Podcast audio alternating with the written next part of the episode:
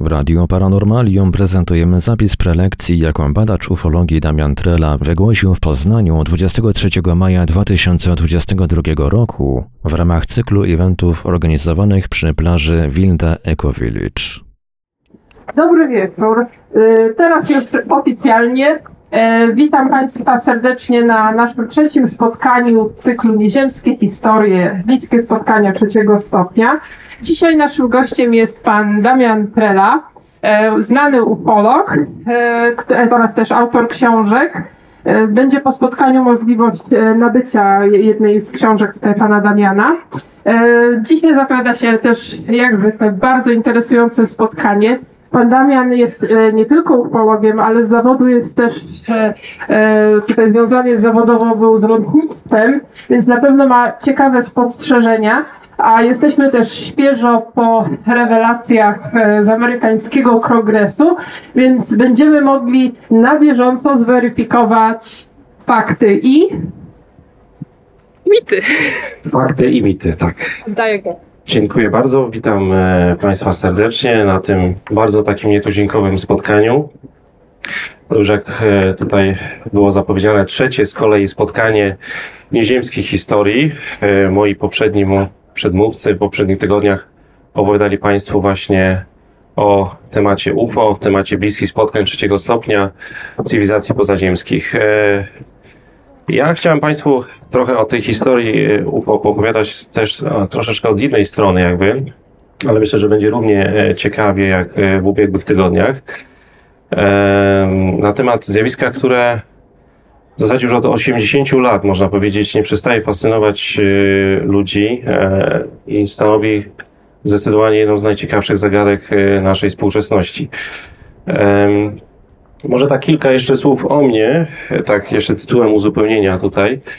Ja, szanowni Państwo, zajmuję się taką tematyką właśnie jak zjawiska UFO, ale w zasadzie nie tylko, już od praktycznie 20 lat, z pewnymi przerwami oczywiście. Mój początek tej historii jest w zasadzie e, taki, można powiedzieć, klasyczny, bo e, do zajmowania się tą tematyką e, zainspirowało mnie, można powiedzieć, osobiste przeżycie, doświadczenie. To jest bardzo odległa historia jeszcze z lat 90., kiedy jeszcze byłem, miałem lat 14, e, byłem świadkiem właśnie takiego niecodziennego zdarzenia. Widziałem coś, co można właśnie zaklasyfikować jako niezidentyfikowany obiekt latający. To się wydarzyło w miejscowości mojej rodzinnej Kłaczyna e, na Dolnym Śląsku, powiat wałbrzyski. E, I ja wtedy widziałem to razem z, e, z moimi bliskimi z rodziny. Obiekt taki cygarokształtny, który przeleciał dosłownie nisko nad, nad moją głową i to bardzo poruszyło mnie, a byłem człowiekiem, który młodym człowiekiem, który zaczytywał się w takiej literaturze naukowej, czytałem świat nauki, wiedzę i życie, a więc bardziej taki scjentystycznie miałem podejście do życia. E, i w tym kierunku szedłem, ale to zdarzenie po prostu całkowicie wywróciło mój światopogląd. E, I ja zacząłem się takimi sprawami interesować, najpierw czytając e, taką literaturę, a w tamtych czasach, to połowa lat 90., takiej literatury, takiej literatury już było sporo. W Polsce były to głównie przedruki i one narracyjnie były skoncentrowane na jednym wątku, takim, że te zjawiska tłumaczono stricte właśnie pod kątem zjawisk pozaziemskich. E, Później przyłączyłem się do organizacji, e, która zajmowała się badaniem, dokumentowaniem takich zjawisk. Można powiedzieć, że zdobywałem takie swoje pierwsze szlify badawczo-dokumentacyjne. Spotykałem się z ludźmi, docierałem do ludzi bezpośrednio, którzy e, twierdzili, że byli świadkami takich niecodziennych zdarzeń, takich obserwacji. I tutaj sobie uświadomiałem, że tak naprawdę nie jestem sam i moje przeżycie jest jakby mm, częścią czegoś większego, prawda? Bo pod koniec lat 90. w Polsce w tym temacie działo się bardzo dużo. E, I, I mnie to bardzo fascynowało. I ja też po części, mimo tego, że byłem takim na początku bardzo gorliwym entuzjastą, e, zwolennikiem koncepcji właśnie ET, koncepcji pozaziemskiej, ale z biegiem lat, kiedy e, zbierałem wiele materiałów, docierałem do różnych świadków, głównie właśnie na terenie Dolnego Śląska, głównie na terenie obszaru górskiego, Karkonoszy, e, gdzie często bywałem, gdzie właśnie takich obserwacji, takich zdarzeń było bardzo dużo. One zaczęły mnie uświadamiać, że tak naprawdę ten temat e, na pewno jest bardzo nieznanoświatowy, ale niekoniecznie e, stricte powiązany jakby e, z motywem pozaziemskim, na, wbrew pozorom. Szanowni Państwo, dzisiaj generalnie o tym temacie mówi się bardzo niewiele, szczególnie w Polsce, prawda? W zasadzie temat jest na wymarciu. No teraz generalnie mamy umysły zaprzątnięte czymś innym, konfliktem na przykład za, za naszą granicą. Więc e, w Polsce mówi się o tym niewiele. To też jest przejawem ogólnie statystyk e, na temat obserwacji UFO. Po prostu tych obserwacji jest zdecydowanie mniej niż kiedyś. Generalnie jest to taka równia pochyła. Ale gdybyśmy się przenieśli za ocean, to tam w tym momencie e, toczy się gorliwa dyskusja na temat, e, na temat właśnie UFO e, w Kongresie e, Stanów Zjednoczonych. E, W tym momencie tam są wałkowane różne materiały, które po raz kolejny Pentagon e, przedstawił e, spo- swoim obywatelom. I to są bardzo ciekawe materiały. W ubiegłym roku e, ten temat e, był po raz pierwszy upubliczniony w bardzo takiej e, szerokiej odsłonie, kiedy Izba Dyscyplinarna Spraw Wywiadu debatowała właśnie na temat raportu Pentagonu i kiedy upubliczniono ponad 140 różnych e, relacji, obserwacji dokumentowanych na, głównie na filmach, ale to też były i relacje e, naocznych świadków, wojskowych, pilotów i nie tylko.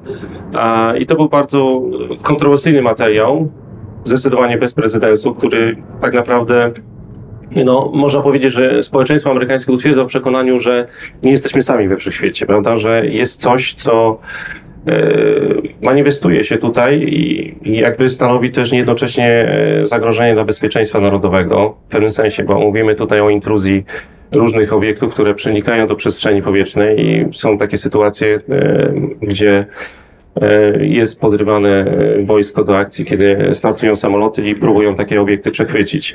Takie zdarzenia też miały miejsce w Polsce, może o tym sobie zdążymy jeszcze dzisiaj podyskutować. To tak tytułem, e, jeśli chodzi o moją osobę i o tym, e, czym się zajmuję. Oczywiście jestem jeszcze też publicystą. E, udało mi się tutaj napisać dwie książki na, na takie tematy właśnie. Oprócz tematu UFO też paralelnie jakby interesuję się też tematyką dotyczącą kręgów, piktogramów zbożowych. To był temat, który też mnie bardzo wciągnął i szczególnie tutaj w rejonie e, okolicznego e, województwa kujawsko-pomorskiego, gdzie e, takich kręgów pojawiało się dużo i ja w te miejsca jeździłem jeszcze wiele lat temu czego efektem jest też moja pierwsza książka. Natomiast moja druga książka jest poświęcona stricte mojemu materiału badawczemu dotyczącemu właśnie Dolnego Śląska, bo tam zebrałem naprawdę bardzo spory materiał. To jest 20 lat, można powiedzieć, mojej takiej pracy terenowej, docierania do różnych ludzi i dokumentowania tych relacji. Yy, O czym też staram się też pisać na swoim blogu, bo jestem też i blogerem. Zdarza mi się też pisać do różnych takich pism, jak Nieznany Świat, Czwarty Wymiar. Jeśli Państwo czytają, to polecam oczywiście tą literaturę. E, Szanowni Państwo, można powiedzieć, że temat UFO jest wałkowany na świecie już od praktycznie 80 lat. Można powiedzieć, że taką datą newralgiczną to jest rok 1947, kiedy doszło do e, takiej słynnej obserwacji pewnego pilota, Kenneda Dolta, który w czerwcu 1947 roku, przylatując swoją awionetką w pobliżu góry e, Rainer w stanie Waszyngton, zobaczył dziewięć takich lecących w jednym rzędzie obiektów, e, które on nie był w stanie w ogóle zidentyfikować. Mimo tego, że miał duż, dużą wiedzę lotniczą, e, potrafił rozpoznawać bez problemu różne samoloty, ale te obiekty nie był w stanie w żaden sposób zidentyfikować. Kiedy opowiedział o tym dziennikarzom, temat został pochwycony e, i tak można powiedzieć narodziła się era latających spotków, bo e, dziennikarze nazwali te obiekty właśnie latającymi spotkami.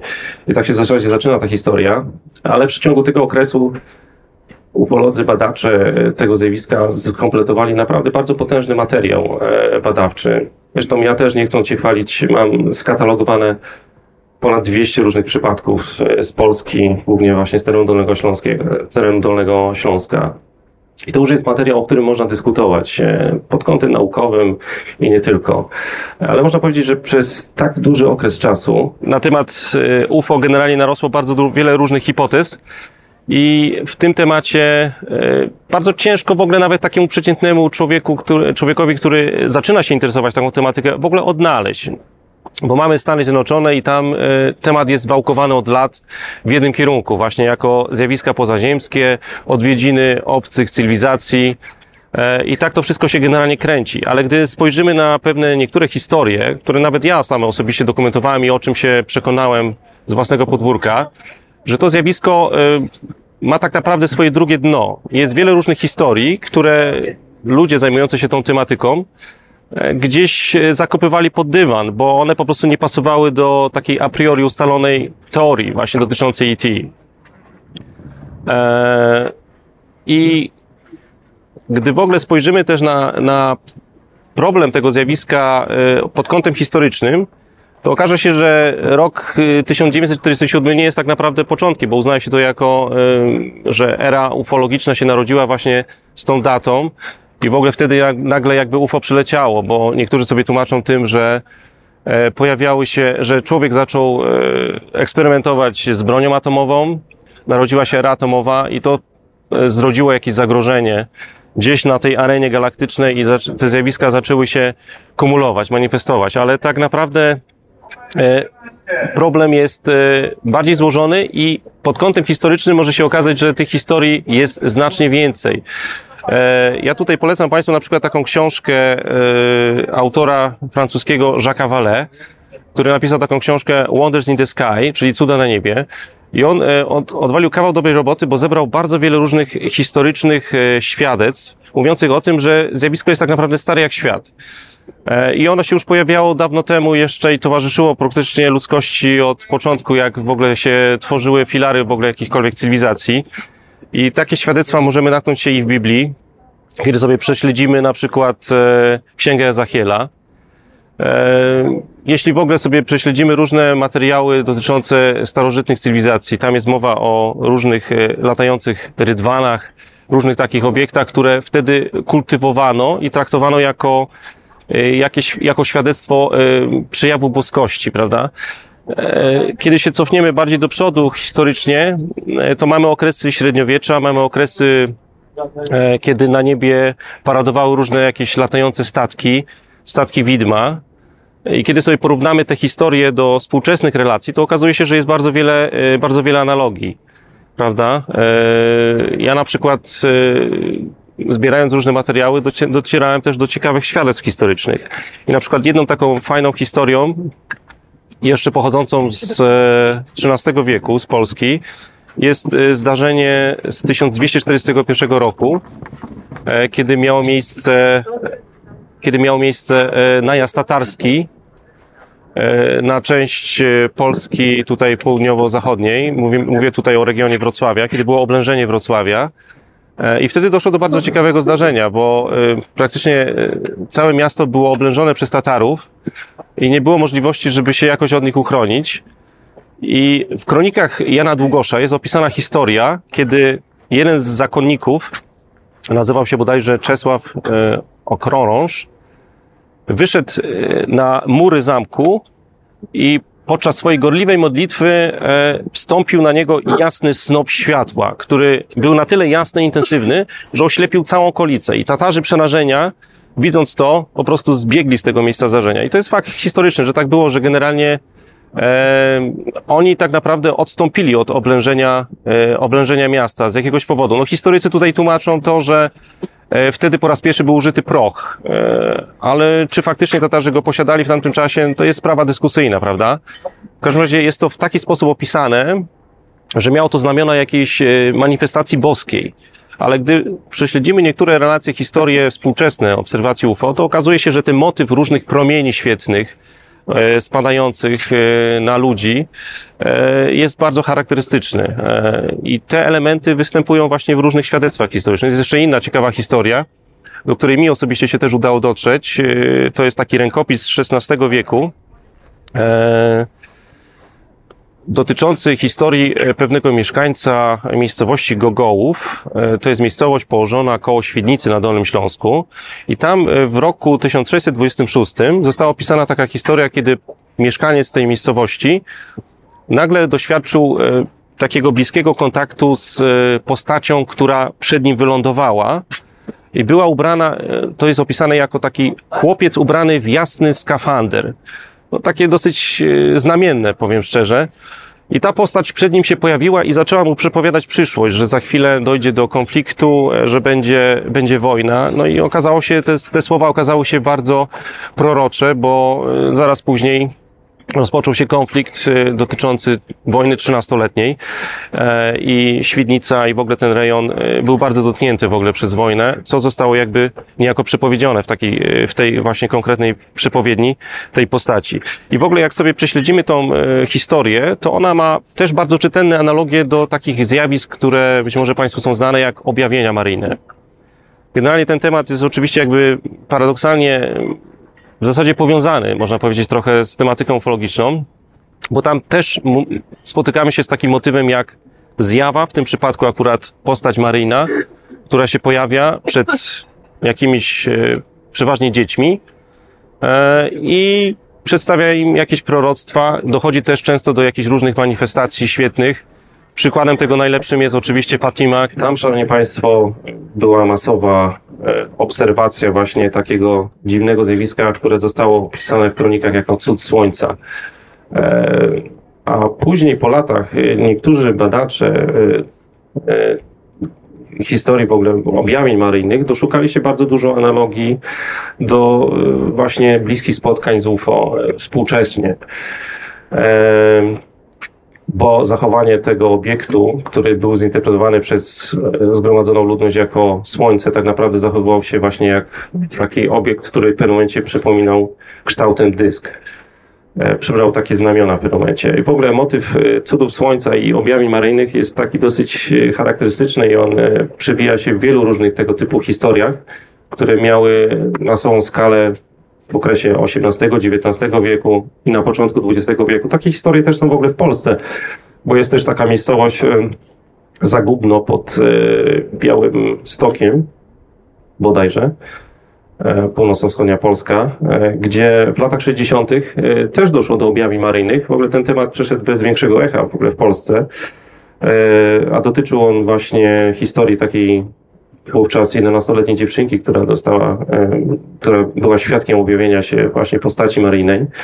E, I później, jak e, ludzie coraz częściej przychodzili w to miejsce, kiedy ona miała swoje wizje, to też doszło do manifestacji właśnie takiego obiektu, który przez ludność lokalną został interpre- interpretowany jako cud słońca.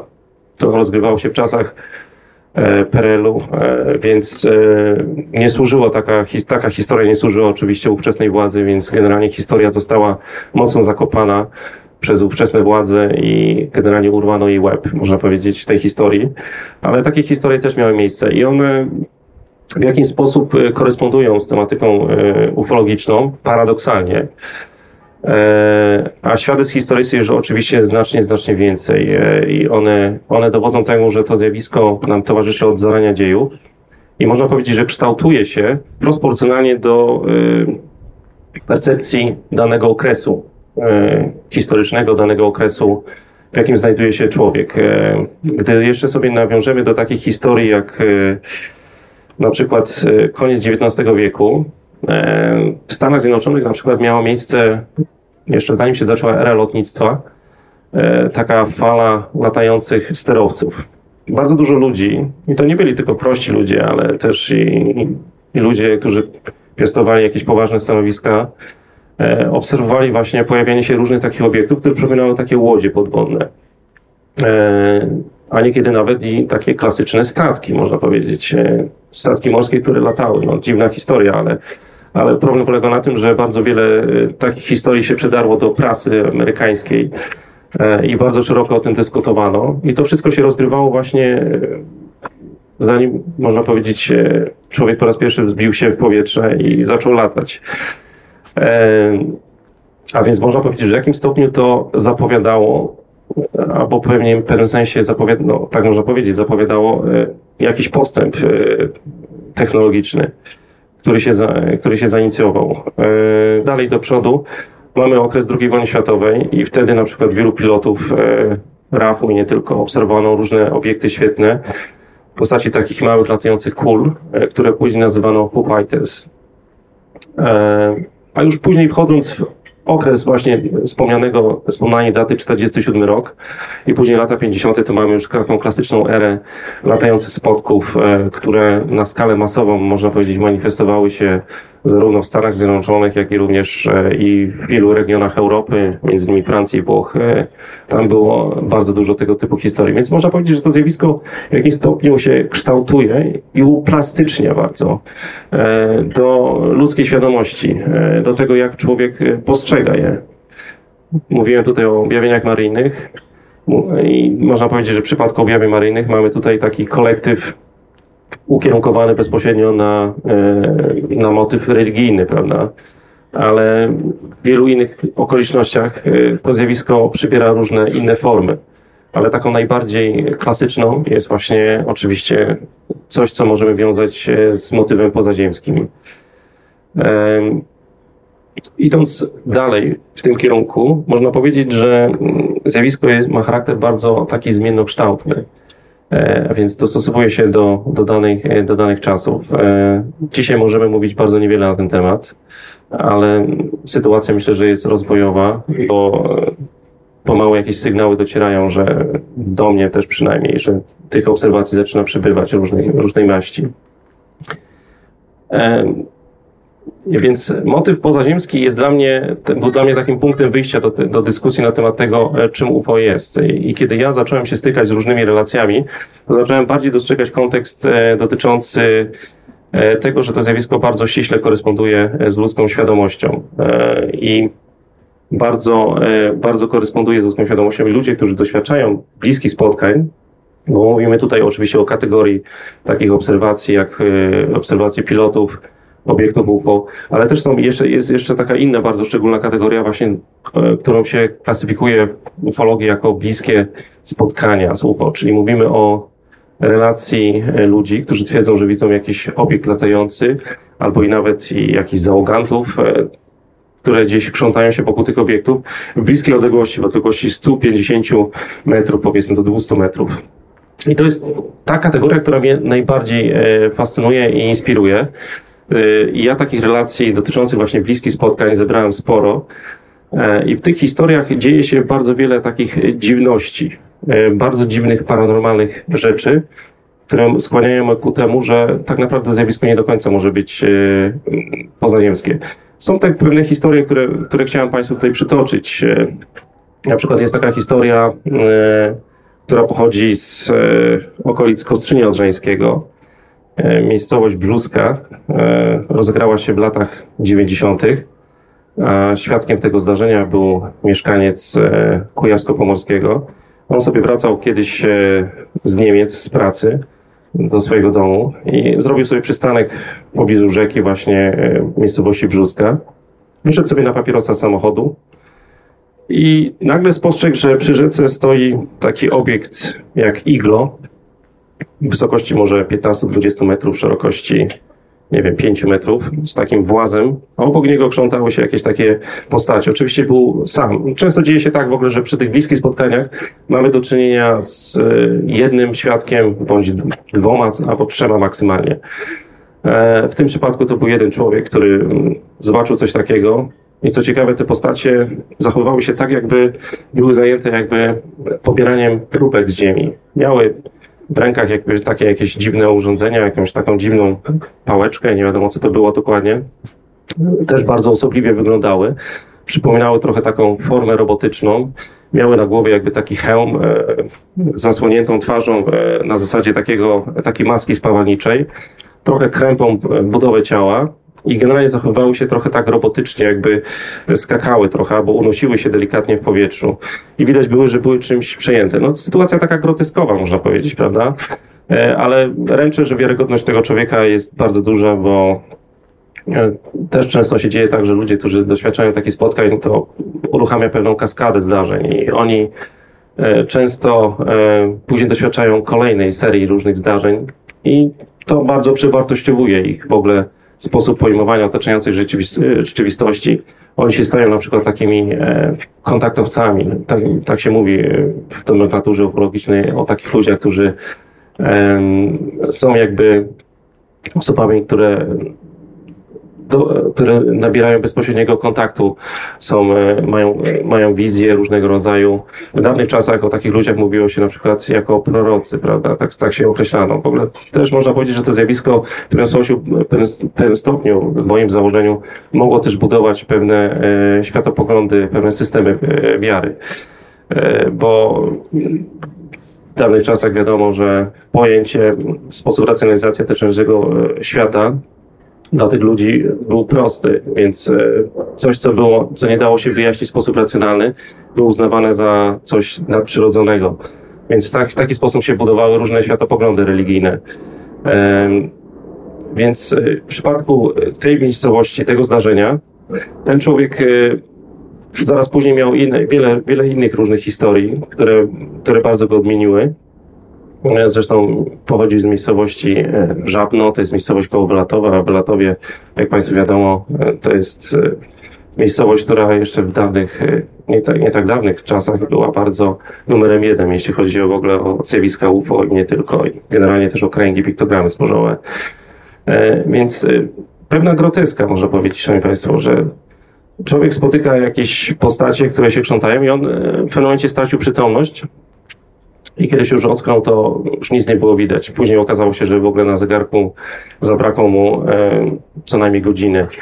Nie wiadomo, co się z nim działo przez ten czas. No, taki klasyczny, można powiedzieć, missing time, bo tak się mówi o takich historiach, że ludzie po prostu gubią czas nieoczekiwanie i nie wiedzą, co się z nim dzieje przez jakiś czas. Później się, jak się okazuje, jak się ich podłącza pod różne terapie, regresje hipnotyczne, to te wspomnienia wracają i one są bardzo traumatyczne i dotyczą w ogóle już takich historii skrajnych, jak na przykład abdukcje, uprowadzenia i tak dalej. Nie wiadomo, czy takie historie się rozgrywają w naszym świecie fizycznym, czy mówimy tutaj już o, o jakiejś czystej e, parafizyce. E, Ale te dziwności e, towarzyszą bardzo wielu bliskim spotkaniom i one są bardzo znamienne, bardzo szczególne i one dają du- dużą odsłonę tego, co się tak naprawdę kryje ze zjawiskiem UFO. Jest jeszcze wiele innych historii, które chciałem tutaj Państwu na ile możliwe przytoczyć. E, Na przykład e, można powiedzieć, że też w jakimś stopniu UFO koncentruje się wokół szczególnych obszarów. Tu Państwu wspominałem, że bardzo wiele takich historii zebrałem tutaj z obszaru górskiego, Karkonoszy, Sudetów, naszych rodzimych kur. E, Nie wiadomo dlaczego, ale UFO generalnie częściej manifestuje się w obszarach wyżynnych niż nizinnych. Jest taka ciekawa historia, która wydarzyła się bodajże w 1994 roku gdzie dwójka, tym razem dwóch świadków, wracało późną porą wieczorową w Szklarskiej Porębie e, do swojego hotelu. I nagle idąc taką aleją, można powiedzieć, e, ciągnącą się z lewej, z prawej strony e, drzewa i nagle jeden z nich zobaczył takie światło padające na nich z góry. I to światło objęło jednego z tych, jednego z tych mężczyzn, nazwijmy go umownie Stanisław. I w pewnym momencie ten, ten człowiek zaczął się unosić do góry i ten drugi, drugi jego kolega to widział. Jak spojrzał do góry, to zobaczył nagle taki kształt e, tarczy, można powiedzieć, czegoś dyskoidalnego, otoczonego różnymi kolorowymi światełkami. I nieoczekiwanie coś wciągnęło człowieka nagle do góry na oczach drugiego. E, I ten, ten człowiek wpadł w panikę, zaczął szukać swojego kolegi, miał już może 100 metrów do, do swojego hotelu. Zaczął go nawoływać, i, ale nigdzie go nie było. I w pewnym momencie go nagle zobaczył, jak się wyłonił nieoczekiwanie jakby z krzaków i był pokryty taką dziwną mazią, taką substancją i zaczął się bardzo dziwnie zachowywać. Tak? Był nieco zdezorientowany, kompletnie nie wiedział, co się z nim dzieje. I wejście do tego e, hotelu e, stanowiła brama, która była w tym, w tym momencie zamknięta. I w pewnym momencie na oczach tego człowieka e, jego kolega przeszedł po prostu przez bramę jak duch po prostu. Tak, jakby po prostu przeniknął przez tą bramę, wszedł na teren hotelu i gdzieś zniknął. On za nim pobiegł, musiał przeskoczyć przez bramę, wpadł do hotelu, do swojego pokoju, nagle patrzy, jego kolega po prostu zachowuje się jak, dziw, jak zwierzę jakieś, e, przewraca się, krzyczy, piszczy, wyje. E, I w pewnym momencie wyskakuje, a pokój znajdował się na parterze, wyskakuje przez okno gdzieś znika. I on przestraszony zaczął go, e, zaczął za nim gonić, ale nie znalazł go. I, i po drodze spotkał dwóch policjantów, o którym wszystkim, o wszystkim powiedział. Ci wezwali karetkę pogotowia, przyjechali. Okazało się, że człowiek już był w pokoju i zachował się zupełnie normalnie, kiedy już weszli wszyscy e, do pomieszczenia hotelowego. E, I takie historie są bardzo no, szalenie intrygujące, prawda? Intrygujące jest to, że w ogóle one się rozgrywają tutaj na naszym podwórku, bo możemy o nich co najwyżej usłyszeć gdzieś w jakichś filmach dokumentalnych poświęconych takiej tematyce UFO. Ale to jest, to jest autentyczna historia, która, e, która się wydarzyła właśnie e, w Szklarskiej Porębie. E, Ta newralgiczność tych miejsc, szanowni Państwo, jeśli chodzi o zjawisko UFO, jest taka szczególna, Em, bo w jaki sposób e, pewne miejsca są naznaczone właśnie, jeśli chodzi o manifestacje. Są po prostu pewne miejsca, gdzie można to zjawisko częściej zaobserwować niż zwykle. Takie można powiedzieć hotspoty ufologiczne. E, Jednym z takich miejsc swojego czasu było właśnie wspomniane przeze mnie Wylatowo, e, do którego ja e, miałem przyjemność jeździć w latach 2002-2005. E, Tam pojawiały się kręgi piktogramy zbożowe na jednym polu pewnego rolnika o nazwisku Tadeusz Filipczak. Kręgi pojawiały się trzy lata z rzędu i to był też jakaś forma ewenementu, można powiedzieć, na skalę światową. E, różne rzeczy mówiono na temat tych kręgów piktogramów złożowych. Jedni byli sceptyczni, inni mniej, e, ale pewne badania, a tu już będzie kolega o tym opowiadał za tydzień, już ściśle o kręgach piktogramów zbożowych, ale ja chciałem powiedzieć, że w tamtym czasie kiedy ja tam zacząłem jeździć do Wylatowa, okazało się, że e, to miejsce jest tak naprawdę jakby taką kopalnią w ogóle różnych historii, które nigdy nie zostały nagłośnione, można powiedzieć, bo w ogóle o nich literaturze ufologicznej polskiej, też ufologicznej nie było mowy, a historie były po prostu niesłychane. E, I w międzyczasie, paralelnie do tego, kiedy pojawiały się te kręgi piktogramy zbożowe, Dużo ludzi, którzy przyjeżdżali z różnych zakątków Polski, e, też obserwowali przedziwne zjawiska. Oczywiście jakiś procent tych historii da się racjonalnie wytłumaczyć, bo to była pewna euforia, chęć e, entuzjastyczna zobaczenia czegoś niezwykłego na niebie. Ale ja na przykład osobiście sam doświadczyłem tam zdarzenia, które mnie bardzo e, powaliło i to była, można powiedzieć, e, grupowa obserwacja. Em, To było bodajże w lipcu, 20 lipca 2002 roku, jak dobrze pamiętam. E, Wtedy akurat dużo osób się pozjeżdżało do Wylatowa. E, I koło godziny chyba pierwszej nad ranem, kiedy siedzieliśmy sobie w takim miejscu, które było, e, w takim domu, który był wynajmowany na poczet właśnie monitoringu e, okolicznych pól. Siedzieliśmy sobie na balkonie i nagle w pewnym momencie zobaczyliśmy taką jasną, czerwoną łunę za krzakami. E, I z początku wzięliśmy to za księżyc, prawda? No ale później sobie świadomiliśmy, że na południu przecież księżyc nie może wschodzić, no to coś jest nie tak, więc biegliśmy. Ja akurat byłem z takim moim kolegą. E, razem przebiegliśmy i nagle patrzymy, jak się wyłoniliśmy za krzaków, e, widać taką piękną, czerwoną kulę, która wyglądała dosłownie jakby, jakby była namalowana pędzlem na niebie. Taki, taka projekcja holograficzna. Ja po prostu zdębiałem, miałem akurat wtedy ze sobą aparat. To akurat jeszcze nie były czasy tak rozwijające się, jeśli chodzi o technologię cyfrową fotografii. Miałem zwykłego, e, zwykłego Kodaka e, i zrobiłem jedno czy dwa zdjęcia. I pobiegłem dalej, żeby przyjrzeć się temu z bliska. Przebiegłem przez ulicę, ale już później tego nie było, ale obok mnie kilkanaście metrów dalej stała grupka ludzi, która miała też wyposażeniu aparaty i wszyscy robili zdjęcia i każdy obserwował to, może oni obserwowali to akurat od początku, bo ja widziałem to w postaci kuli, a ludzie obok e, widzieli jak to się pojawiało i to miało formę takiego spłaszczonego naleśnika, który w pewnym momencie przybrał formę takiego ćwierćkoła, półkola, takiej pełnej kuli. W taki sam sposób to zjawisko zaczęło zanikać i to w zasadzie trwało kilka, kilkanaście sekund. Moje zdjęcia, jak się okazało, później były prześwietlone. Zdjęcia, które były wykonywane przy użyciu innych aparatów, e, innych świadków, też nie wyszły. Dziwnym trafem akurat dzieje się tak, że właśnie kiedy to zjawisko się pojawia i kiedy ktoś ma na przykład aparat i chce robić zdjęcie, to robi to zdjęcie, a później okazuje się, że to zdjęcie nie wychodzi, albo e, innym razem nagle sobie uświadamia, że kurczę, przecież miałem telefon, miałem aparat, mogłem po nie sięgnąć, a nie zrobiłem tego. Tak jakby był jakby taki otłumiony. Trochę się pojawia taka, taka dezorientacja e, często przy, przy takich historiach, takich relacjach. E, tak jeszcze opowiadając Państwu o tych e, dziwnych anomaliach, które występują przy tych relacjach, to chciałem jeszcze przytoczyć taką ciekawą historię, bo często dzieje się tak, że przy tych obserwacjach, kiedy człowiek do, ma styczność bezpośrednią, taką można powiedzieć, z, z, z tym zjawiskiem, kiedy coś manifestuje się przed nim w bardzo bliskiej odległości, dochodzi do właśnie do przedziwnych e, historii. Bardzo wielu ludzi opowiada o, o czymś takim, jak to, że nagle dochodzi do takiej zastanawiającej, osobliwej ciszy, że nagle wszystko jakby zamiera. Gdzie jeszcze przed chwilą było słychać cykanie świerszczy gdzieś w okolicy i nagle wszystko się wyłączyło, jak za pstryknięciem palca. E, I nikt tego tak naprawdę nie potrafi wytłumaczyć i często nawet niektórzy świadkowie mówią o tym mi, że oni mieli wrażenie, że ta rzeczywistość otaczająca ich była taka nad wyraz realna.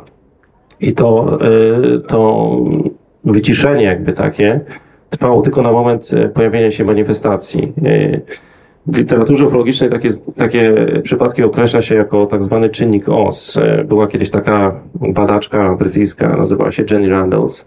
I ona, analizując przypadki ze swojego podwórka angielskiego, doszukała się wielu takich historii, bardzo właśnie takich charakterystycznych, gdzie świadkowie wspominali o takich motywach. I ona w nawiązaniu do e, czarnoksiężnika z krainy Oz e, nazwała właśnie tą historię, e, znaczy te, te, te czynniki występujące w takich zdarzeniach właśnie jako czynnik. E, Czyli można powiedzieć, że ludzie doświadczając takich spotkań są jakby wyrywani ze swojej rzeczywistości i znajdują się w stanie takiego, takiej, takiej dziwnej dezorientacji albo takiego stanu zmienionej świadomości. Jest takie zdarzenie, które ja kiedyś dokumentowałem. Ono wprawdzie rozegrało się dawno temu, jeszcze w latach 70., ale ja je dokumentowałem oczywiście e, po wielu latach. E, Też na Dolnym Śląsku się rozegrało w miejscowości e, Wojcieszów. To już jest też obszar górski, Sudety. I dwójka e, mężczyzn, byli bracia, wracali wieczorem sobie samochodem do domu. e, Właśnie mieszkali w tym czasie w Wojcieszowie. Jadąc, wjeżdżając do miejscowości, zobaczyli takie czerwone światło, które e, gdzieś się przemieszczało tam na, na tle górskim. I to już była wieczorowa pora. Gwiazd nie było widać, ale nie było zachmurzenia. I ten obiekt sobie tam leciał, leciał. I w momencie przybliżył się do pobliskiej góry Połom, e, która jest też takim ciekawym miejscem, bo tam różne historie i legendy krążą na temat tego miejsca. Kiedyś to było miejsce pogańskie. W ogóle to też jest ciekawe, że często właśnie te zjawiska manifestują się w pobliżu takich miejsc, można powiedzieć, nawiedzonych, albo takich, których, e, z którymi się wiąże jakaś ciekawa historia. No i ta dwójka, yy, dwójka mężczyzn yy, zaciekawiła się tym zjawiskiem i podjechała samochodem maksymalnie blisko, jak się dało, pod tą górę. I zobaczyli, że ten obiekt jakby osiadł na, na zboczu górskim przed znajdującym się w pobliżu lasem i przybrał formę takiego dziwnego jakby ekranu. E, Jeden z tych e, mężczyzn wyszedł z samochodu i stwierdził, że po prostu się temu przyjrzy bliska, bo no to już go bardzo zaintrygowało. Jego brat akurat był taki dziwnie otumamiony, jakby wyłączony, stwierdził, że w ogóle nie chce, nie chce w ogóle na to patrzeć, nie interesuje się tym. On wyszedł i kiedy podchodził coraz bliżej pod, e, pod ten dziwnie wyglądający ekran, nagle miał, doznał takiego bardzo dziwnego stanu, bo jeszcze przez moment słyszał, jak e, e, z pobliskiej kopalni e, słychać pracujące maszyny, dźwięk dobiegający stamtąd i kiedy nagle jakby przekroczył taką cienką, niewidzialną linię, nagle w pewnym momencie zrobiło się totalnie ciemno, mimo tego, że już była ciem, było ciemno, ale w pewnym momencie zrobiło się tak ciemno, że on mówi mi, że on po prostu potykał się o własne nogi i w zasadzie nic nie widział. I zrobiło się jednocześnie strasznie cicho, e, totalnie cicho, tak, że po prostu nic nie słyszał, gdzie te pracujące tam e, urządzenia na kamieniołomie głośno pracowały i nagle wszystko wyłączyło się. Jak się później okazało, on podszedł do tego obiektu, ale się już przestraszył i zaczął się wycofywać, bo ten obiekt też zaczął w pewnym momencie zanikać i w pewnym momencie już całkowicie przestał być widoczny.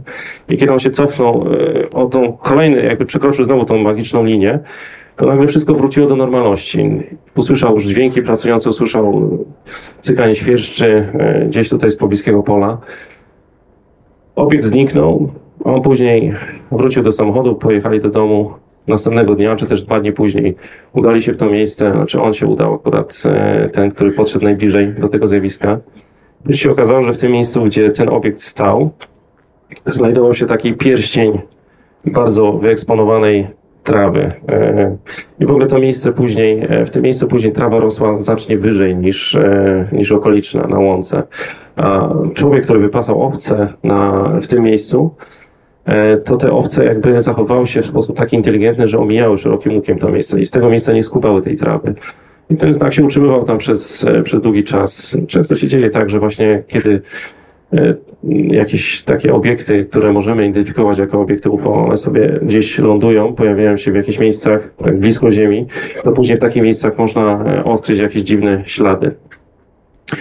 Ale tak jeszcze w nawiązaniu do e, tych przedziwnych historii, jeszcze w kontekście UFO mówi się też o, o czymś takim jak e, bezpieczeństwo narodowe. Teraz na przykład w temacie Kongresu Stanów Zjednoczonych, gdzie się dyskutuje właśnie o UFO, e, tam ten temat jest bardzo mocno wałkowany, bo e, w ogóle te wszystkie historie dotyczące tych różnych relacji pilotów i nie tylko e, wojskowych identyfikuje się jako potencjalne zagrożenie dla bezpieczeństwa narodowego. Co mi się wydaje ma swoje też jakieś uzasadnienie, bo jak sobie poczytamy te wnioski końcowe, które na przykład były upublicznione w, e, w ramach raportu Pentagonu w ubiegłym roku, e, one dotyczyły tak naprawdę, tam nigdzie nie padło słowo w ogóle UFO. Tam, było, e, tam był użyty termin UAP, czyli w dosłownym tłumaczeniu Identify Aerial Phenomena, czyli niezidentyfikowany obiekt astronomiczny, atmosferyczny, przepraszam. E, I tak generalnie się definiuje to, e, ale nie mówi się nigdzie o jakimś, e, nie wiem, pozaziemskiej intruzji czy czymś takim, tylko bardziej traktuje się to jako obcotechnologię dotyczącą Chin czy też Rosji, która eksperymentuje jakieś tajne pojazdy, prawda, tajne maszyny lotnicze, które być może przenikają przestrzeń powietrzną. W takim kontekście się mówi, ale takie historie działy się jeszcze zanim lotnictwo na tyle było rozbudowane, aby, aby można było mówić o obiektach, które potrafiły na przykład zmieniać trajektorię lotu, e, znikać, pojawiać się w innych miejscach. E, teraz się dużo mówi o bezzałogowych pojazdach lotniczych, o dronach, więc ciężko się połapać. W ogóle sporo historii w ostatnich latach, e, jakie też do mnie wpłynęły, dotyczyły na przykład obiektów takich trójkątnych e, z taką pełną gamą oświetleniową, które pojawiały się często właśnie nad jakimiś dużymi miastami, jak Wrocław. Akurat z Poznania nie, przy, nie przypominam sobie żadnej takiej historii, ale w wielu innych większych miastach. E, I ciężko teraz takie, takie obserwacje identyfikować jako właśnie UFO. Bardziej można mówić tutaj już o jakiejś tajnej technologii.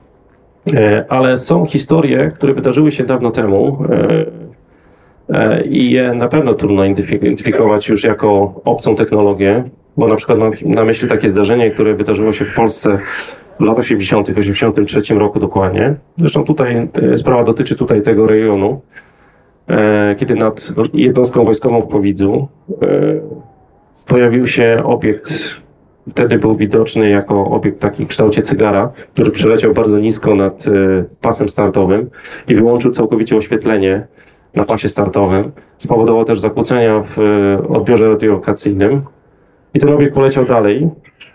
I później, jak się okazało, e, e, polscy, to był tacy jak Bronisław Rzepecki, Krzysztof Piechota, to są, można powiedzieć, nestorzy, ludzie, którzy w latach 80. zbierali, dokumentowali już takie historie. E, przeprowadzili swoje śledztwo i okazało się, że e, w tym samym czasie w pobliskiej miejscowości Witkowo pojawił się obiekt, który wylądował przed, e, można powiedzieć, oczami dziećmi, które akurat się bawiły na pobliskiej górce. On wylądował sobie na górce, a był formą już takiego klasycznego latającego spotka. Taki dyskoidalny obiekt średnicy 4-5 metrów z pierścieniem kolorowych światełek, z odnóżami, który sobie wylądował biały dzień, można powiedzieć, e, przed tymi dziećmi. Oni w panice uciekły e, do domu. Obiekt później znowu wystartował, poleciał gdzieś dalej i później, jak się okazało, e, w pobliskiej jednostce Krzesiny chyba, zdaje się, tutaj jest jednostka e, pod Poznaniem. Tam e, namierzono obiekt na radarze i wysłano dwa myśliwce na przechwycenie. To były bodajże migi wtedy. Obiektu się nie udało przechwycić. Obiekt gdzieś zniknął na radarze, przestał być widoczny też wzrokowo przez pilotów. Ogóle możliwości techniczne wtedy tych samolotów po prostu były w zupełności niewystarczające, aby przechwycić obiekt, który przemieszczał się z prędkością e, ponad, ponad dwóch, trzech machów, bo z taką prędkością leciał wtedy. E, Później okazało się jeszcze, że miejsce, gdzie doszło do lądowania jakiegoś obiektu, przybyło wojsko i teren otoczyło. E, Mówię właśnie o tej miejscowości Witkowo. I przez moment ten obszar nie był dostępny. Niektórzy świadkowie twierdzili, że byli tam wojskowi, którzy prowadzili jakieś pomiary. Prawdopodobnie pomiary radio, e, radioaktywne. Historia niezwykła, a wydarzyła się jeszcze w latach 80., latach 80., kiedy tak naprawdę nie było jeszcze takiej technologii, która, e, którą w jakiś sposób można było tłumaczyć e, manifestacje takich zjawisk. Ale takich historii w ogóle w Polsce jest bardzo dużo, e, właśnie szczególnie udokumentowanych w okresie lat 80., lat 70. W ogóle można powiedzieć, że polska ufologia zaczyna się mniej więcej gdzieś pod koniec lat 70., e, kiedy do takich historii dochodziło dużo i było dużo różnych fal obserwacji, takich fal masowych obserwacji UFO. I można powiedzieć, że to zainicjowało w ogóle badania. Pojawili się ludzie, którzy zaczęli zbierać, dokumentować takie historie, potworzyły się pierwsze jakieś różne organizacje. Jedną z taką znanych historii, Państwu na pewno znaną, jest e, zdarzenie, które miało miejsce w 78 roku pod lubelskiej miejscowości Emilcin, gdzie e, słynny rolnik, który kompletnie nie miał pojęcia w ogóle o, o tematyce UFO, nie miał nawet telewizora w własnym domu, a e, był świadkiem e, pojawienia się dwóch takich humanoidalnych postaci, które przyłączyły się do niego, kiedy sobie jechał swoją, e, swoim wozem przez pobliski las, udając się do domu. I one go zaprowadziły do obiektu, który jak się okazało stał gdzieś na pobliskiej łące i zaprosiły go do środka, aby sobie tam e, wszedł. No i później okazało się, że zrobili na nim jakieś dziwne pomiary. On w ogóle nie wiedział o co chodzi. Nawet mu zaproponowali poczęstunek, ale nie chciał skorzystać. E, Historia autentyczna e, później była badana przez znanego ufologa Lanie Bolnara, e, który był notabene socjologiem, więc e, podszedł do tematu bardzo fachowo. E, I w zasadzie nie można było udowodnić e, żadnego e, fałszerstwa w tej historii, bo to był prosty człowiek, który nie miał pojęcia, opowiadał historię, która była żywcem wzięta w ogóle z jakiejś e, klasyki e, gatunku, jeśli chodzi o literaturę ufologiczną. Ale takich historii było znacznie więcej e, w tamtym czasie w Polsce. E, Mi też po latach udało się dokumentować pewne zdarzenia, które e, dowodzą temu, że ten behawioryzm, że tak powiem, e, tych, nazwijmy to umownie, kosmitów, ufonautów, którzy e, pojawiają się czasami przy tych różnych obiektach, które się pojawiają, które lądują gdzieś e, przed ludźmi, jest taki bardzo dziwny e, i groteskowy troszeczkę. E, Jest takie zdarzenie, które ja dokumentowałem w mojej e, podlegnickiej miejscowości Dynino. Rozegrało się jeszcze w latach 60., a dotyczy takiej pani, która już ma 70 lat, ale wtedy była jeszcze młodą kobietą. W 67 roku mieszkała w miejscowości Dynino, właśnie pod Legnicą, na Dolnym Śląsku. I e, była wieczorem, wieczorową porą, zbierała buraki. Jak mi opowiadała później e, tą historię po wielu, wielu latach. W momencie poczuła taki podmuch wiatru i kiedy się obróciła, zobaczyła nagle, że już przed nią stał praktycznie kilka metrów taki obiekt w kształcie stożka, można powiedzieć, e, takiego, takiego takiej indiańskiej, e, indiańskiego namiotu.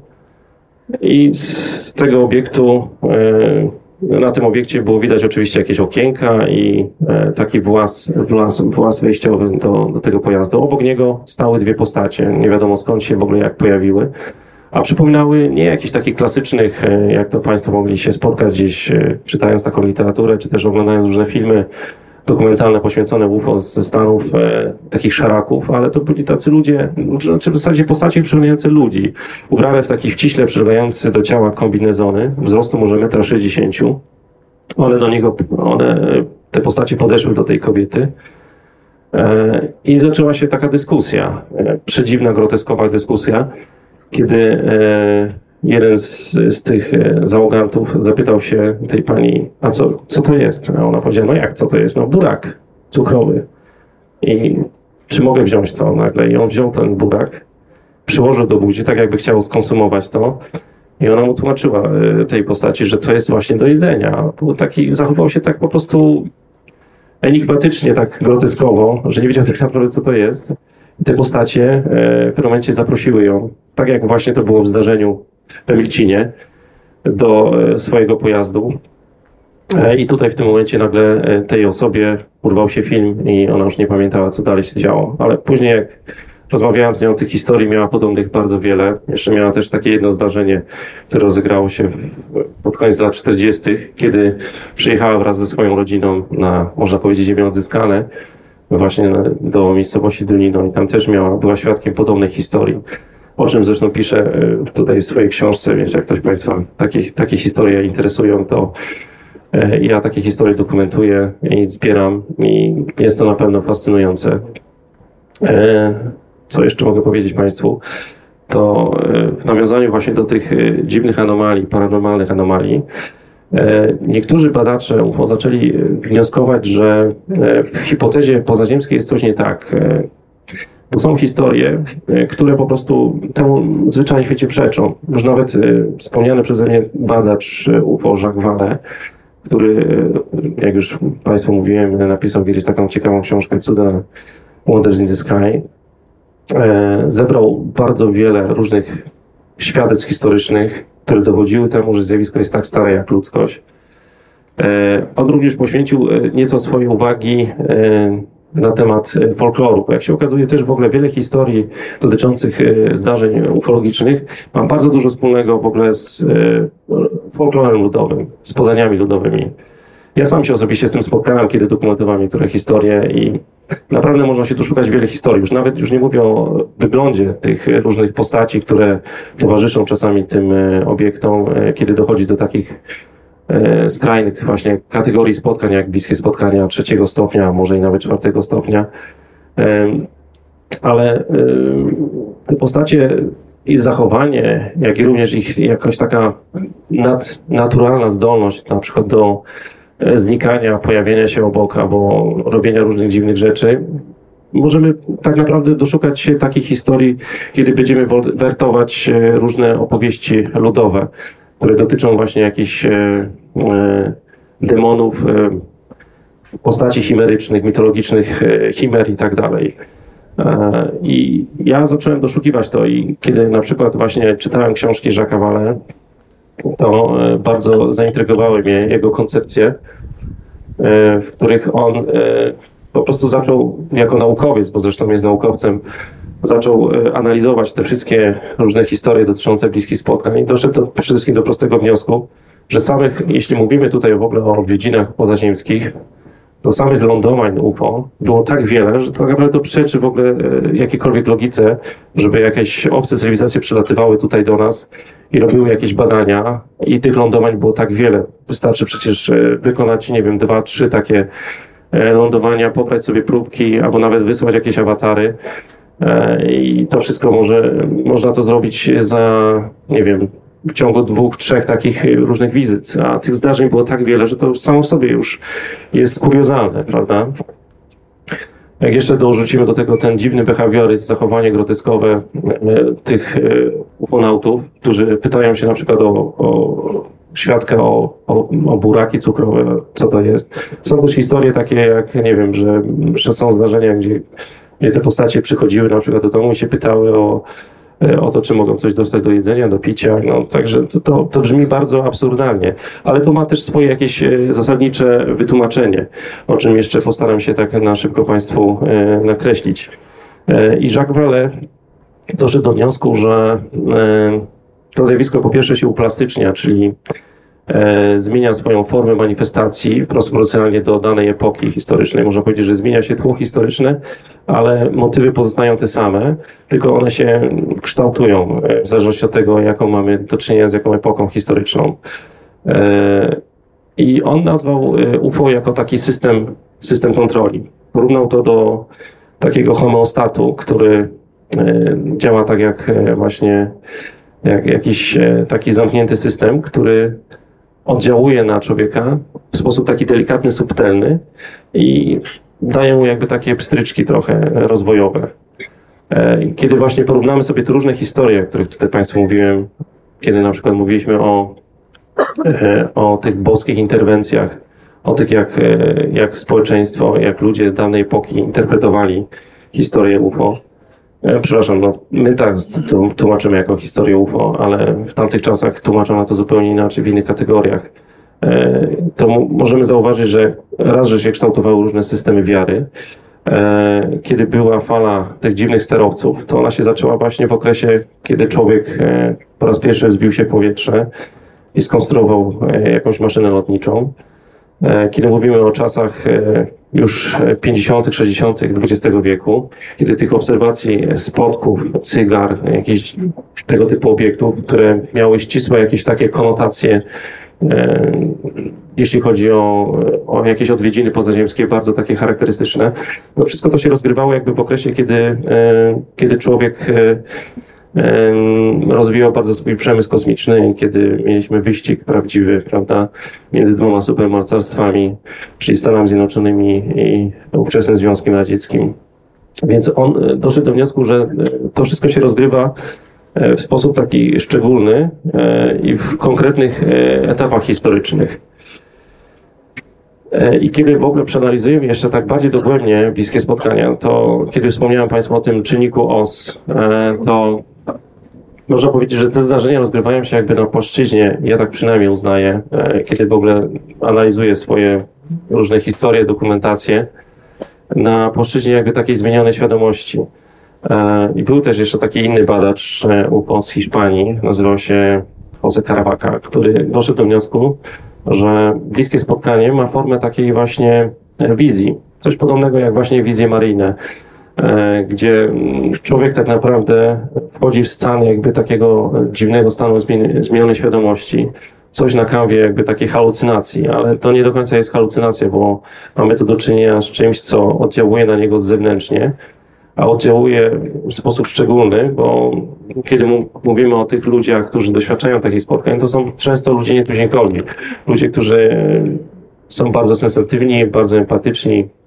Ja do takich wniosków dochodzę, kiedy spotykam się, rozmawiam z takimi ludźmi. To później na przykład oni sobie uświadamiają, że po takich spotkaniach e, odkrywają w sobie różne talenty, e, na przykład albo, inne, albo jakieś dziwne zdolności paranormalne, stają się na przykład bioenergoterapeutami, albo jeszcze i odkrywają sobie jakieś talenty artystyczne. E, Często te zdarzenie, takie zdarzenia, takie kontakty otwierają w nich jakiś taki przysłowiowy szósty zmysł. E, I wychodzę z założenia, że te zdarzenia mają miejsce właśnie jakby taki na planie e, trochę odmienionej świadomości, e, na planie jakby takiej innej rzeczywistości, gdzie dochodzi do interfejsu między naszą czasoprzestrzenią a paralelną rzeczywistością. I gdzieś na styku transgranicznym między dwoma takimi światami dochodzi do, do jakiegoś takiego kontaktu. I to, że te zdarzenia są tak bardzo zróżnicowane, bo tak naprawdę przynajmniej Państwo mówić o, o przeróżnych obserwacjach UFO, ale tak naprawdę mimo tego, że pojawia się ten sam motyw, powiedzmy, nie wiem, kul, latających dysków, cygar, ale zawsze te zdarzenia przebiegają w zupełnie inny sposób i te obiekty zawsze wyglądają inaczej. Tak naprawdę nie ma takiego samego zdarzenia, w którym mowa jest, e, nie wiem, o tym samym o tym samym obiekcie, czy o tej samej istocie. Zawsze te szczegóły są e, inne. I zdaniem wielu badaczy, jak i również moim, to wynika z tego, że e, podczas takiego interfejsu człowiek e, sam poprzez swoją kolektywną e, nieświadomość, swoją indywidualną, kolektywną świ- nieświadomość wpływa na przebieg takiego zdarzenia. I poprzez pewne swoje archetypy wtłacza w to zdarzenie, w tą swoją wizję jakieś takie bliskie mu motywy, które być może są jakąś taką formą filtru, który, który zabezpiecza go przed tym, żeby nie dostać, nie dostać jakiegoś szoku kulturowego, kiedy, kiedy ma styczność z taką e, anomalną siłą, e, która zachowuje się w sposób inteligentny i w jakiś sposób oddziałuje. Nie wiem tak naprawdę czemu to służy, ale e, w tych zdarzeniach, o których Państwu mówiłem, czyli w tych szczególnych, bliskich spotkaniach, dochodzi do bardzo wielu różnych motywów paranormalnych. Tutaj sceptycy na przykład odnoszą się tutaj do mnie też w ten sposób, że no w porządku, ale jeśli w takich spotkaniach dochodzi do jakichś e, lądowań i widać jakieś ślady, tak jak mówiłem Państwu o takim zdarzeniu właśnie z e, Wojcieszowa, gdzie był odkryty ślad później po lądowaniu obiektu, to jak takie coś tłumaczyć? No, jest też coś takiego jak e, jak na przykład stygmaty, prawda? Są ludzie, którzy są bardzo gorliwi, religijni i potrafią, e, e, mają stygmaty i na przykład naukowcy tłumaczą to jako tym, że ludzki umysł potrafi w sposób e, bardzo szczególny oddziaływać na swoje ciało i dlatego e, poprzez e, aspekt psychologiczny e, na, na ludzkim ciele może się, mogą się pojawić stygmaty, jeśli ta osoba jest e, w takiej bardzo głębokiej ekstazie religijnej. Podobnie dzieje się właśnie w takich zdarzeniach. E, Może to przypominać trochę taki formę transu szamańskiego, można wręcz powiedzieć, że człowiek będąc w takim głębokim transie e, może w jakiś sposób oddziaływać e, na materię. E, w dawnych czasach w neoplatonizmie renesansu jest taki termin, który mówi o tym, że ludzie uduchowioni potrafią wpływać na materię, ponieważ e, rzeczywistość materialna dąży do zescalenia z rzeczywistością duchową. Dzisiaj fizyka kwantowa mówi o tym, że obserwator może w jakiś sposób oddziaływać na, na materię w takim danym zamkniętym układzie. I być może tak się właśnie dzieje e, w takich szczególnych, bliskich spotkaniach. E, Kiedy człowiek tak naprawdę widzi coś, a też miałem takie historie, kiedy było trzech różnych świadków i tak naprawdę jedna osoba tylko widziała coś, a dwie osoby stały obok i nie widziały tego. Prawda? Więc tak jakby obserwacja była wkomponowana bezpośrednio w indywidualną psychikę e, człowieka. Proszę Państwa, temat jest bardzo szeroki oczywiście i można jeszcze o nim dyskutować bardzo długo. E, Ja tak w zasadzie tylko naświetliłem Państwu e, tą bardzo zawiłą, skomplikowaną problematykę, która mnie nie przestaje fascynować już od 20 lat. Ale myślę, że jeśli macie Państwo jakieś pytania, to z chęcią postaram się na nie udzielić odpowiedzi.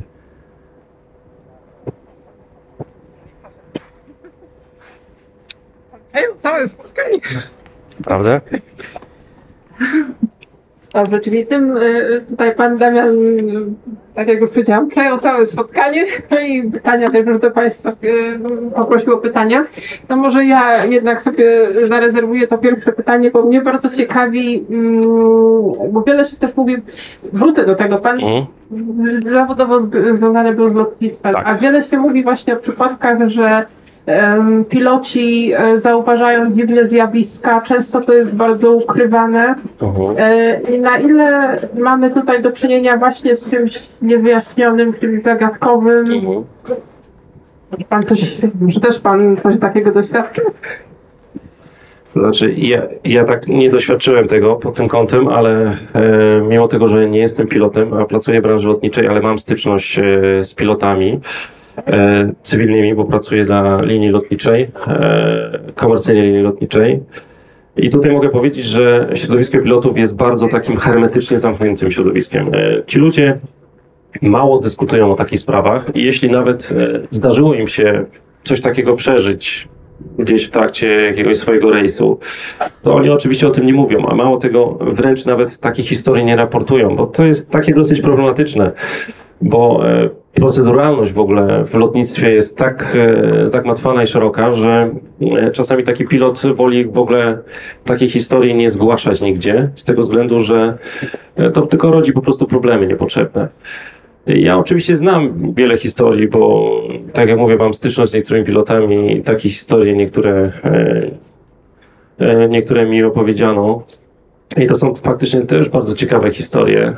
Na przykład mam taką historię tutaj pilota emerytowanego, e, który w pobliżu lotniska Modlin pod Warszawą, jeszcze w latach 50., kiedy oblatywał migi e, podczas takiego rejsu, e, był świadkiem, jak e, on lecąc swoim samolotem i jego kolega e, samolotem obok, lecieli obydwaj na, mig, na migach 21. W momencie zobaczyli, jak podleciał do nich, podleciały pod jego skrzydła samolotu dwa takie dyskoidalne obiekty niewielkiego, niewielkiej szerokości, gdzieś może metra. I nagle w pewnym momencie cała nawigacja padła w jego, w jego samolocie. E, I on już był gotów, a miał rakiety na swoim, w swoim samolocie, już był gotów odpalić te rakiety, ale na, na złość nie był w stanie w ogóle nic zrobić.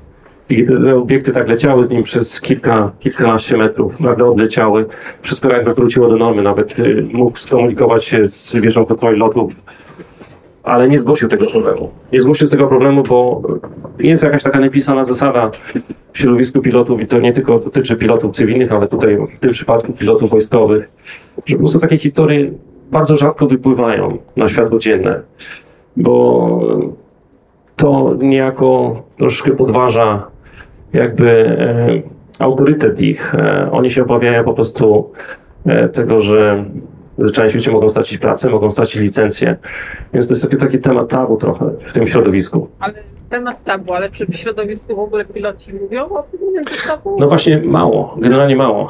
Te historie, do których mi się udało dotrzeć, to wynikało tylko z tego, że po prostu ja powiedzmy jestem znany gdzieś w tym swoim kręgu e, zawodowym Więc e, gdzieś tam ktoś się wygadał.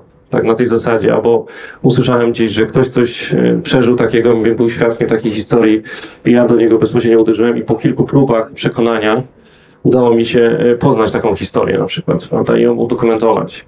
Ale tak, żeby ci ludzie wychodzili gdzieś do mediów i opowiadali o tym, to raczej temat ciężki, bardziej prawdopodobny powiedzmy, nie wiem, gdzieś w Stanach Zjednoczonych, bo tam bardziej otwarcie się o tym mówi. W Polsce jest troszeczkę inna mentalność, inne podejście do tego tematu. Ciężko powiedzieć, z czego to wynika. Może z tego, że mainstreamowe media podchodzą do tematu bardzo groteskowo, wręcz ośmieszająco. E, I to rodzi jakąś taką zgardę, drwinę środowiska i niechęć e, opowiadania, dzielenia się takimi historiami. E, Czy może ta niechęć tych pilotów do opowiadania o tym bierze się stąd, że pilot musi być postrzegany jako osoba bardzo zrównoważona, a jednak e, wymaga jakiejś powagi i, stabilności psychicznej w tym zawodzie? Może stąd też taka postawa? Zdecydowanie tak, bo przecież e, osoba, która pilotuje taki samolot, posiada licencję, musi przejść wszystkie testy psychologiczne i musi być jak najbardziej zrównoważoną osobą. E, I tutaj nie ma co w ogóle o tym dyskutować, ale tak jest faktycznie. I to jest też jeden z argumentów, dla których ci ludzie boją się otwierać i opowiadać o takich historii, ale na pewno jest takich historii sporo, tylko nie do wszystkich się po prostu udało dotrzeć. A te historie, powiedzmy, do których mi się udało dotrzeć, często dotyczą właśnie pilotów, którzy już są emerytowanymi pilotami, więc nie mają problemu z tym, żeby dzielić się z takimi historiami. Nie, Bo pan bada tutaj historię też z Dolnego Śląska. Czy mógłby pan na przykład coś o Muchołapce powiedzieć w Ludwikowicach? Czy to raczej jest totalnie... Nie no, mogę coś powiedzieć oczywiście. Właśnie, co to jest muchołapka? A muchołapkę to taki temat e, związany z historią e, broni e, Wunderwaffe, historii V7. E, to jest też to w ogóle temat, e, który gdzieś w pewnym momencie się podczepił w ogóle pod tematykę ufologiczną. Za sprawą niektórych publicystów, którzy ten temat bardzo drążyli dogłębnie, starając się udowodnić to, że w czasach II wojny światowej, właśnie na terenie Dolnego Śląska, w kompleksach, które były budowane jeszcze w latach 40. e, przez Niemców, kompleksy Rize, eksperymentowano z tajną technologią i, e, i, rzekomo wyprodukowano pojazdy, które przypominały latające spotki, ale szanowni Państwo, to niestety muszę powiedzieć, że jest mit. E, To jest mit, który, który był, e, można powiedzieć, bardzo mocno wyeksponowany przez niektórych polskich autorów. E, I jak naprawdę ktoś wsiąknie w tą tematykę i sięgnie po fachowe źródła, to uświadomi sobie, że tak naprawdę te historie po prostu e, w pewnym momencie zaczęły żyć własnym życiem. Natomiast temat muchołapki jest taki, że e, to jest właśnie świeży przy, przy, przykład tego, jak się tworzy jakaś legenda, prawda? Także muchołapka może tylko z pozoru wyglądała jak muchołapka, ale tak naprawdę była zwykłą, zdaje się, Zbiornika. zbiornikiem, tak, takim chłodniczym zbiornikiem, e, który wtedy znajdował się na terenie takiej bazy wojskowej, a tak został zinterpretowany, że że można powiedzieć, jakiekolwiek argumenty czasami nie działały dla niektórych ludzi, którzy po prostu chcieli żyć i fascynować się taką mitologią. E, To skoro nie ta trzecia Rzesza, to czy ma Pan jakąś teorię, dlaczego tak wiele zjawisk jest właśnie na Dolnym Śląsku? Tak, Dolny Śląsk jest szczególny, bo e, no myślę, że tego właśnie wyrazem jest moja ostatnia książka, która jest kompilacją różnych historii, dokumentacji mojej. E, szczególny jest też z tego względu, że bardzo wiele takich historii rozegrało się na terenie górskim, o którym Państwu mówiłem, jak już mówiłem w trakcie spotkania, że częściej do takich obserwacji dochodzi w obszarach wyżynnych niż e, niżyn, nizinnych. E, I to ma w zasadzie jakieś swoje uzasadnienie, bo w ogóle kiedy spojrzymy na mapę świata i w ogóle przeniesiemy się w inne rejony górskie, okazuje się, że bardzo często właśnie e, w takich obszarach górskich też dochodziło do różnych historii.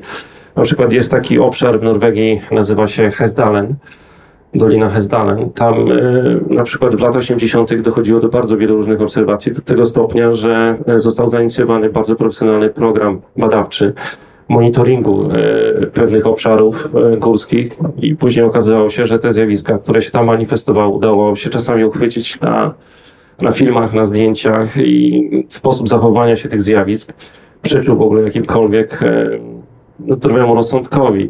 Tak Więc Dolny Śląsk jest pod tym względem szczególny, że ma ten przywilej, że na jego obszarze znajduje się obszar górski i w tym obszarze górskim się sporo rzeczy dzieje. E, Ale tak naprawdę, gdybyśmy, to też wynika z tego, że e, poprzez moją taką, można powiedzieć, upartość, rzetelność dokumentacyjną, mi się udało dotrzeć po prostu do wielu historii.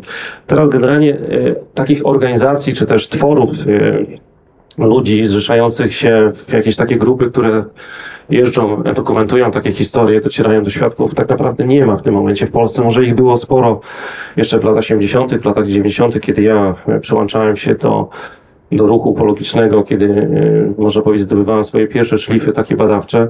No było tych organizacji dużo, więc dużo się w tym temacie działo. E, I ci ludzie w różnych rejonach Polski docierali do takiej historii. I tak naprawdę wydaje mi się, że gdybyśmy bardziej dogłębnie podrążyli temat, to później by się okazało, że w Wielkopolsce też jest sporo takich historii, tylko po prostu nikt do nich nie dotarł jeszcze. Pan wspominał o, o Poznaniu, od Poznaniu. Tak, wspominałem o tej historii e, takiej stricte lotniczej, że takie wydarzenie było, miało miejsce. No tych historii jest więcej na pewno. Tylko, mm, tak jak mówię, nie ma tak naprawdę w tym momencie jakiegoś takiego środowiska ruchu ufologicznego, który by zbierał, dokumentował te historie.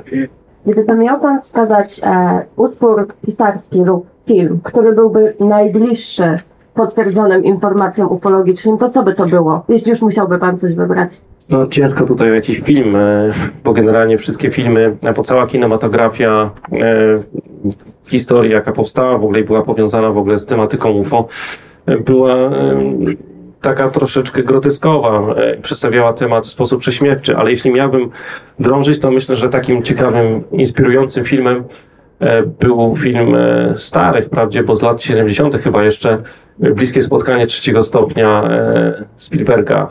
E, historia, to w jaki sposób w ogóle ten film e, został wyreżyserowany, bo zresztą e, Spielberg, kiedy kręcił ten film, e, opierał się, opierał się na doświadczonych autorytetach, bo doradzali mu e, tacy znamienici ludzie jak e, Alan Hynek, który był jednym z takich znanych e, badaczy UFO i był jednym z współtwórców e, słynnego projektu Blue Book, który właśnie pod agendą rządową zajmował się zbieraniem, dokumentowaniem tego typu historii.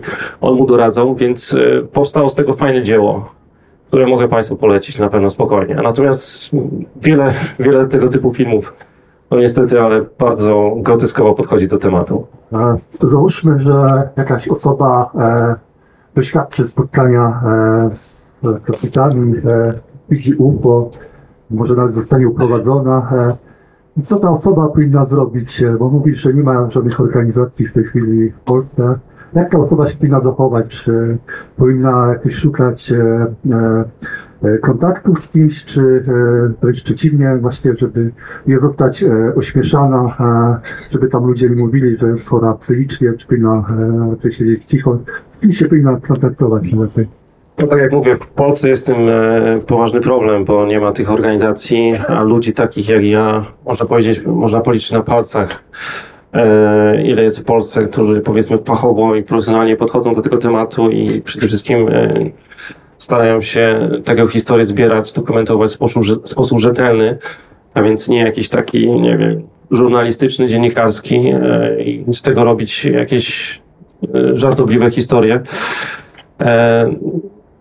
No, myślę, że osoba, która zaczyna drążyć temat, doświadczyła czegoś takiego, gdzieś może trafić na przykład, nie wiem, na mojego bloga, na różne media. Jest na przykład jeszcze takie Radio Paranormalium, które też e, zajmuje się zbieraniem takich historii. Te historie gdzieś później też trafiają do mnie, bo gdzieś jest tutaj obieg informacji.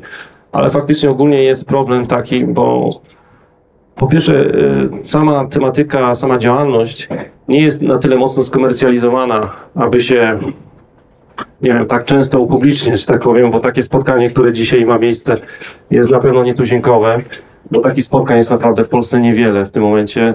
Gdzieś e, w latach 90. było ich więcej, więc e, ci ludzie, którzy doświadczali takich zdarzeń, e, wiedzieli do kogo się zgłosić często. Natomiast teraz faktycznie jest z tym problem i może to też jest wyznacznikiem tego, że takich historii jest, e, takich historii do mnie, czy do, do moich kolegów, którzy tak jak ja zajmują taką działalnością, takich historii dociera niewiele i te statystyki są bardzo zaniżone, bo może to jest właśnie tego wyznacznikiem też.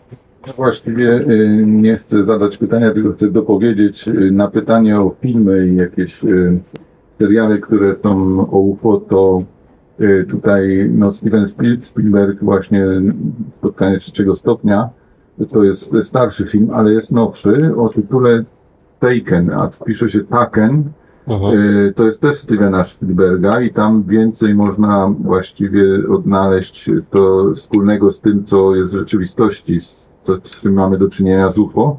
I jak będziecie szukać tego, tego filmu, to jest inny serial też o takiej samej nazwie, więc trzeba po prostu z Spielberga poszukać, bo tamten jest jakiś innego reżysera, a jest identyczny tytuł.